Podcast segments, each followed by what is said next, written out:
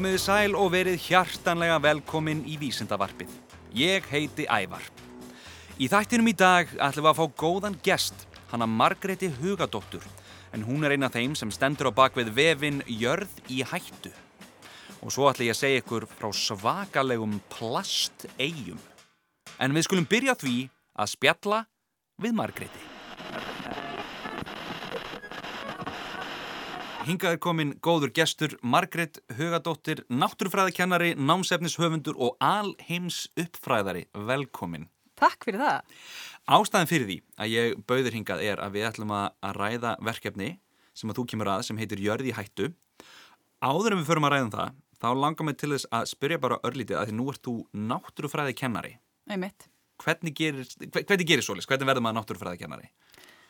Ætli það ekki, sé ekki bara með, með því að vera forvitin um alheiminn og langa til þess að, að deila þessari forvitni með öðrum og fá, fá krakka til þess að horfa á heiminni kringu sig. Ég var mjög uppættakja samt barn og gerði ímsa luti sem má alls ekki leika eftir en uh, þannig að ég get sagt krökkunum sögur af, af því til dæmis. Já, og sagt svo ekki gera svona. Og svo get sagt ekki gera svona. Einmitt, einmitt, en samt búin að kenna hvernig að gera það. Einmitt. mjög Það gott. voru til dæmis ramagstilunum sem að uh, það, gerði það að verkum að hárum mitt í krulla, held ég. sem má alls ekki leika eftir. Sem á, nei, einmitt, einmitt. Þannig að ef að, ef að, í, í, hvað, í hvað skóla ertu að kenna? Ég er að kenna í langkóldskóla. Þannig að þú ert með krullaðabekkin. Já. Já, já, einmitt, nákvæmlega, gott að vita. Um, og, og þú hefur alltaf haft áhuga á, á náttúrufræði og vísindum Já. og, og fer, svo, svo læri maður að vera kennari þegar ekki. Maður þarf að, þarf að fara í sérstakann skóla til að læra að verða kennari. Jú, ég fór í kennaraháskólan til þess að verða uh, náttúrufræði kennari Mm og ég var nú ekkert alveg vissum að ég ætlaði að vera kennari en svo finnst mér þetta mjög skemmtilegt fag og það er að gera svo margar hluti með krökkunum -hmm. og allir krakkar hafa áhuga á náttúru, bara náttúrunni mhm. og tilraunum og náttúruvísindum þannig að það er mjög auðvilt að ná til krakkana. Og hvaða aldrei ert að kenna? Ég er að kenna krökkum svona aldrinum 13 til 16 en ég hef alveg kent krökkum neyri 10 ára. Já, flott. Og þú býrðu líka til námsefni. Já, Hvernig byrjaði það? Og fyrir þá sem veit ekki hvað námsefni er, er sem er að hlusta, námsefni er það sem maður lærir í skólanum. Allar bækurnar sem maður fær þetta er námsefni. Já, og öll verkefni sem maður Einmitt. gerir eða myndbönd sem maður horfur á, það er allt námsefni sem er gert fyrir krakka til þess að læra eitthvað. Mm -hmm. Og ég byrjaði að gera námsefni því að mér fannst það vantaði ákveðu námsefni sem mér langaði til að kenna. Mér langaði að kenna á svona hátta sem krakkarnir fá að ráða meira það sem þau gera og mér finnst það að virka þegar krakki hefur áhuga á okkur, áhuga á okkur þá er, hann líklari til þess að, að læra meira um hlutin og vera áhuga samari bara almennt Já. um námið. Þannig að ég ákvaða eða sá það að það vantaði svona efni og ég fór að búa til námsefni. Og hvað hefuru bakvið eirað og í huga þegar þú býr til námsefni? Hvað er svona regla nummer eitt þegar maður ætlar að búa til gott námsefni? Það, allir það sé ekki eitthvað sem heitir kveikja. Það þýðir maður þarf að kveikja í, uh, ekki í hausnum, nei, ekki í hárinu, heldur maður þarf að kveikja á svona hugsunum hjá, hjá krökkunum. Maður þarf að vekja áhuga á, á, á efninu sem maður er að kenna. Þannig að maður byrjar á því að sína krökkunum eitthvað áhugavert. Það sem að krakkarnir kannski komu spurningar og svo spyr maður krakkarna hvað er vita um viðfangsefni Mm um efni sem verða að læra og það er svona nummer eitt og tvö og svo fer maður að fá svo, svo er eiginlega námið svona samstarf með nefndum því að krakkarnir sjálf, það lærir enginn inn í hausnum á þér nema þú sjálfur Emitt, þannig að það er ekki hægt að segja þér að læra eitthvað þú verður að læra það sjálfur emitt. þannig að það er svona, já, líkilreglan er að kveikja áhuga þannig að krakkin fari sjálfur að vilja læra Það er mjög góð aðferð, góð Já, nálgun. já. Hvernig kviknar hugmyndin að jörð í hættu? Jörði hættu verkefni byrjaði út af því að við vorum, við vorum þrjár að kenna og við áttum að kenna, uh, það var reyndar verið að minga þess náttúrufræði kennslu í skólanum okkar, þannig að við ákvaðum að samina náttúrufræði kennsluna við samfélagsfræði kennsluna. Þannig að þá fengum við allt í einu fullt af tímum og gáttum búið til verkefni sem að uh, tók bæði á þeim efni sem áttum að kenna í náttúrufræði og samfélagsfræði sem að er um jörðina í raun og veru. Það er bæði þá námsefni sem kennir náttúrufræði og jarðfræði, landafræði og samfélagsfræði og þannig byrjaði í raun og veru svo pæling að okkur langaði til þess að gera verkefni sem við getum gert í fleiri tímum en bara þremur á viku og við fengum það þá uh, í gegn að búa til verkefni sem að tók, fór, komu krakkarnir í sex kennslustundir á viku til okkar að, í að gera þetta verkefni. Og hva, hvað er það nákvæmlega sem, sem fellur undir hattinn samfélagsfræði? Hvað er samfélagsfræði? Samfélagsfræði í dag er svo ótrúlega margt. Samfélagsfræði getur verið trúabræðafræði uh, og saga, landafræði, jarðfræði hefur vennilega verið undir samfélagsfræði, mér er svo stjörnufræði, Já, þótt að það sé líka náttúrufræði. emitt, Þannig að það er svo margir hlutir sem að, að greinarnar skarast. emitt. Þannig að þetta, já. Þannig að við ákvaðum að blanda þessu allavega í einum árgangi, ákvaðum í nýjöndubæk, ákvaðum við að blanda þessum fögum saman og byggum til námsefni sem heitir jörð í hættu, en það er ekki jörð í hættu heldur að jörð í hættu upprópunumerki, spurningamerki. Því að er jörðin í hættu? Við spyrjum eiginlega að því. Því að þegar maður fyrir að skoða svona hvað er að gerast í heiminum í kringum okkur, þá er kannski jörðin, jörðin virðist alltaf jafna sig á einhverjum tíma, Mm -hmm, jörðin sjálf, móður jörð, mm en það er kannski tegundirna sem lifa á jörðinni sem að þurfa kannski að passa sig og passa umhverfi sitt, hvar maður getur lifað og, og svo leiðis. Þannig að, þannig að þess vegna settum við spurningamerki við jörði í hættu. Er hún í hættu? Við ætlum ekki að segja það. Þannig að þetta, var, þetta verkefni er nemynda miða, þannig að krakkarnir fá að ráða hvaða verkefni þau gera, gera. Þannig að þá ráða þeir svolítið ferðinni og þess vegna gefum við ekki beint bara svörin heldur við að krakkarnir að, að, að búa til svörin sjálfur eða réttur að finna þau út. Og hvernig hefur það gengið? Hvernig finnst krökkunum að, að fá svona óvinnilega nálgun á, á námsefnið? Fyrstum sinn, eða fyrsta verkefni sem krakkar hafa gert, þeim hefur þótt það kannski svolítið mikil áskorun að fá að velja. Kannski krakkar sem hafa þurft alltaf að gera allt sem að þeim er sagt að gera í skólanum og svo er allt í einu einhver kennari sem segir þú ræður hvað þú gerir og þá eru þau bara ég veit ekkert hvað ég á að gera, segðu mig hvað ég á að gera. Ég skil það mjög vel. En þá erum við með svona smá aðferð, við erum með svona, uh, já, bara svona já, aðferð sem krakkarnir geta fyllt og þau eiga að byrja því að búa til spurningu um eitthvað efni sem þau vilja læra um, eitthvað viðfangsefni. Mhm, Og við byrjum einmitt á því að sína þeim eitthvað svona kveikju, sína þeim lítinn kennslumynd, böndið að myndir um efnið. Til dæmis vorum við að kennum uh, vatn. Og þá byrjuðum við að sína lítið myndband um vatn og bara hvað vatn er og til hvers við þurfum það og svo framvegis. Og svo fengu krakkarnir bara að velja sér að gera eitt hvað um vatn. Og hóp, hópaðnir byggu til spurningar. Einn hópur til dæmis vildi kanna hversu mikið vatn nota ég á einum degi og þau þurftu þá að gera svo fylgdu þessari aðferð og gerðu svo tilgátu. Það þýðir maður alltaf að giska á hvert svara við þessari spurningu er. Mhm. og svo bara framkvæmaður, það er eiginlega að gera tilraun. Og svo fyrir maður bara að mæla hversu mikið vatn maður notar í heilan dag og svo kemst maður eitthvað nýðistöðu og svo var það skemmtilega í þessu verkefni var, og er í þessu verkefni er að krakkar fá bara frjálsar hendur um hvernig þeir skila verkefninu frá sér. Maður getur gert myndband eða uh, ljósmyndaserju eða ljóð eða lag eða, eða hvað sem er. Þessuna mótel, sumir krakkar hafa teiknað eitthvað í Minecraft og bara gert alls konar hluti. Og það allt eru þau bara að læra náttúrufræði og samfélagsfræði en bara mjög skemmtilegan hátt. Þannig að krakkarnir þeir spyrja og byggja um þessi verkefni núna. Bara getur þau farið í jörði hættu? Þannig að maður er bara svona, já, ég vann.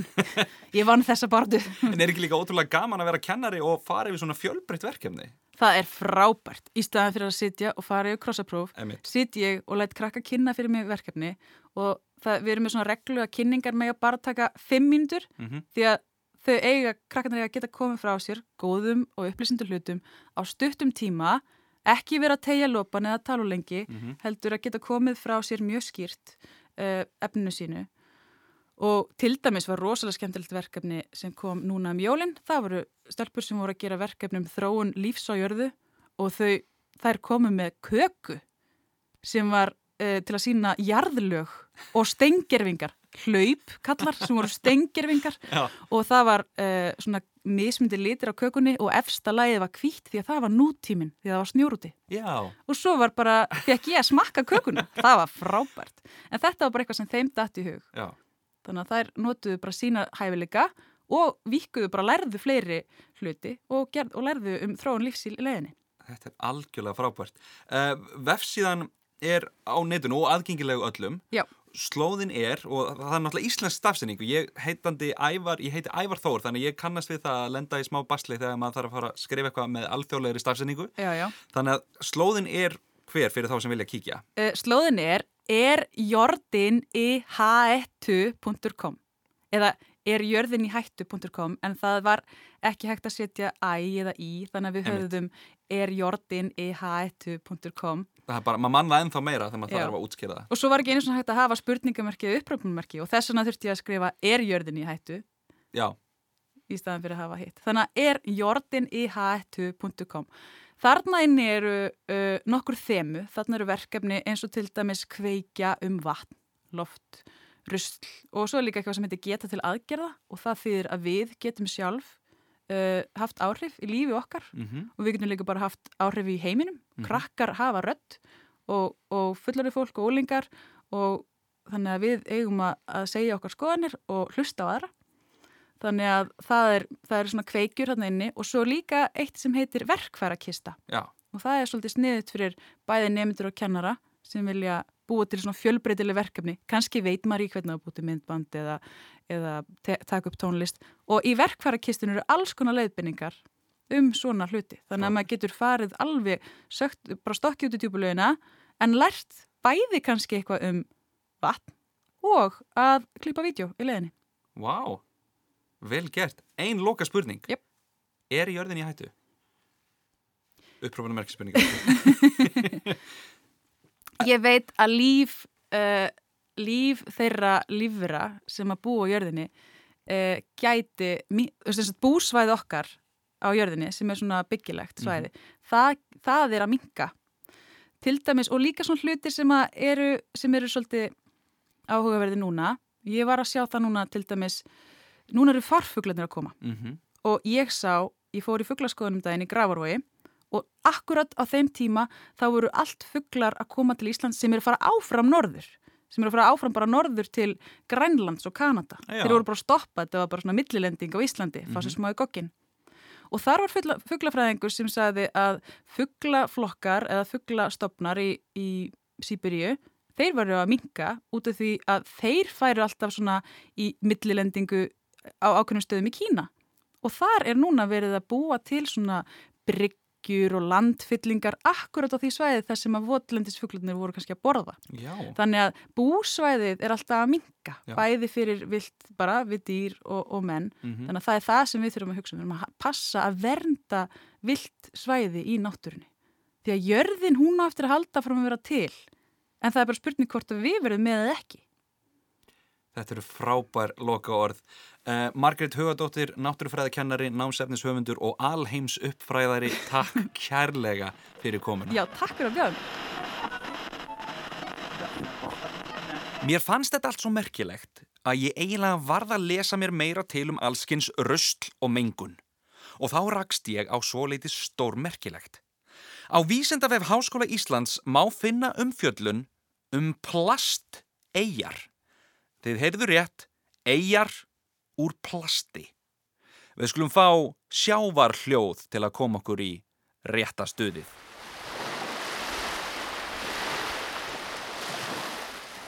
og svo skulum við rannsaka. Á Vísindavef Háskóla Ísland segir Það er satt að svokallaðar plasteigjur fljóti um heimshöfin. Reyndar er ekki um að ræða eigjur í orðsins fylstu merkingu því að þær eru engan veginn svo fastar fyrir að hægt sé að ganga þar um. Þess vegna er réttara að tala um fláka. Alls hafa fimm plastflákar verið skilgreindir á heimshöfunum. Einn á norðanverðu Kirrahafi, annar á sunnanverðu Kirrahafi, sá þriði í norðanverðu Atlantshafi, sá fjórði á sunnanverðu Atlantshafi og sá fymti á Indlandshafi. Flákarnir myndast á miðjum úthöfum, nánar tiltekið í grend við kvarfbaugana, þar sem hafströymar sapna smátt og smátt plasti og öllu öðru lauslegu inn á sama svæði. Svo er auðvitað heilmikið af plasti á floti eða marandi í hálfu kafi annar staðar í höfunum. Mest af þessu plasti endar líklega ferðalag sitt í flákonum með tíð og tíma. Erfitt er að áætla hversu mikið plast flýtur um heimshöfin en rannsóknir benda til þess að um 13.000 til 18.000 plaststykki megi að meðaltali finna á hverjum ferkilometra af sjó. Það er svakaleg tala. Á flákonum hafa fundist alltaf 200.000 stykki á hverjum ferkilometr og talið er að plastflákin á norðanverðu Kirrahafi sé einna þjættastur. Erfitt er að átta sig á stærð flákana en það erfitt að draga útlínur þeirra af nákvæmni. Flákin á norðanverðu Kirrahafi er sagður vera á stærð við Texas ríki í bandaríkjónum eða sjö sinnum stærri en Ísland. Sankvamt upplýsingum frá umhverfistofnun saminuðu þjóðana má ætla að eins og staðan er í dag eigi um 80% af... Sankvamt upplýsingum frá umhverfistofnun saminuðu þjóðana má ætla að eins og staðan er í dag eigi um 80% af plastinu í heimshöfunum rætur sínar að rekja til starfsemi á landi og aðeins um 20% til starfsemi á hafi úti. Á síðustu áratugum hefur dreyið verulega úr plastúrgangi sem kemur frá fiskiskipum, skemmtiferðarskipum, ólíuborpöllum, flutningaskipum og öðrum samgöngum á hafi en að samaskapi finnst sífælt meira af venjulegum neytandavörum á borð við gósflöskur, kveikjara og tampusta. Þetta gerist bæði vegna þess að fólk hendir plasturusli út í náttúruna og vegna þess að meðhöndlun úrgangs er víða ábótavand, til dæmis á urðunarstöðum. Það sem sleppur út í veður og vind endar að mestu leiti í sjónum. Og þá hefur það færst í aukana að framleiðendur noti litlar plastagnir eða mikroplast við framleiðslu á andlitskremi, tannkremi, svonöndum húðskrúpum og þvottaefnum. Þessar litlu plastagnir, þær eru minni en 5 mm, alveg pínu litlar, þær skólast niður um niðurföll og sleppa auðveldlega í gegnum skólprensistöðvar út í hafið. Flákarnir í hafinu samanstanda sem sagt bæði af stóru plastrusli á borð við, ólíubrúsa og fiskinet og minnaplasti sem stundum er ekki hægt að sjá með berum augum. Sumt að því er orðið til við að starra plast eins og góstflöskur og plastpokar molnar niður í minni stykki. Plastrusl hefur margvísleg áhrif á lífríkið en rannsóknir gefa til kynna að alls hafi um 700 tegundir dýra orðið fyrir áhrifum af plastrusli í hafinu. Dýr geta til dæmis kapnað við að gleipa stærri plaststykki og í sumum tilfellum geta plastpokar, net og aðri hlutir kyrt sjávarspendir og fuggla. Plaststykki geta einnig stíplað eða fyllt meldingarvegin þannig að dýránum finnst þau alltaf vera sött og þannig geta dýrin dáið úr næringaskorti. Smæra plast getur einni auðveldlega komist inn í fæðukeðjuna og borið með sér skadilega efni sem enda þá hugsanlega í matvælum til manneldis, matnum sem við borðum. Plasturusl í hafinu hefur ekki bara áhrif á lífríkið, heldur líka á hagkerfið. Þar lendir tap og kostnaður við hreinsun sjálfnast á þeim sem orsakaði vandamálið. Svo dæmis í tekið er áallega kostnaður útgerða í Skotlandi vegna plasts sem flækist í veidarfari, skrúfur og vassintök samsvari um 5% af tekjum útgerðafyrirtækjana. Einnig er oft miklum fjármunum eitt í hreinsun stranda, auk þess sem ferðarþjónusta getur tapað á minkandi gæðum strand og hafsvæða. Plastflákarnir í höfunum stækka ár frá ári, en það er áallega að við missum árlega 7 til 10 miljónir tonna af plasti í sjóin. Og jafnvel þótt við myndum öll snar hætta að sleppa plasti út í buskan eða niður um niðurfallið, þá verða flákarnir á sínum stað næstu aldirnar, ef ekkert er aðgert. Þó að stikkin mingi sjálfsagt eitthvað hvert um sig. Það tekur venjulegt plast nefnilega allt upp í nokkrar aldir eða jafnvel þúsund ár að brotna niður til fulls. Þættinum er lokið.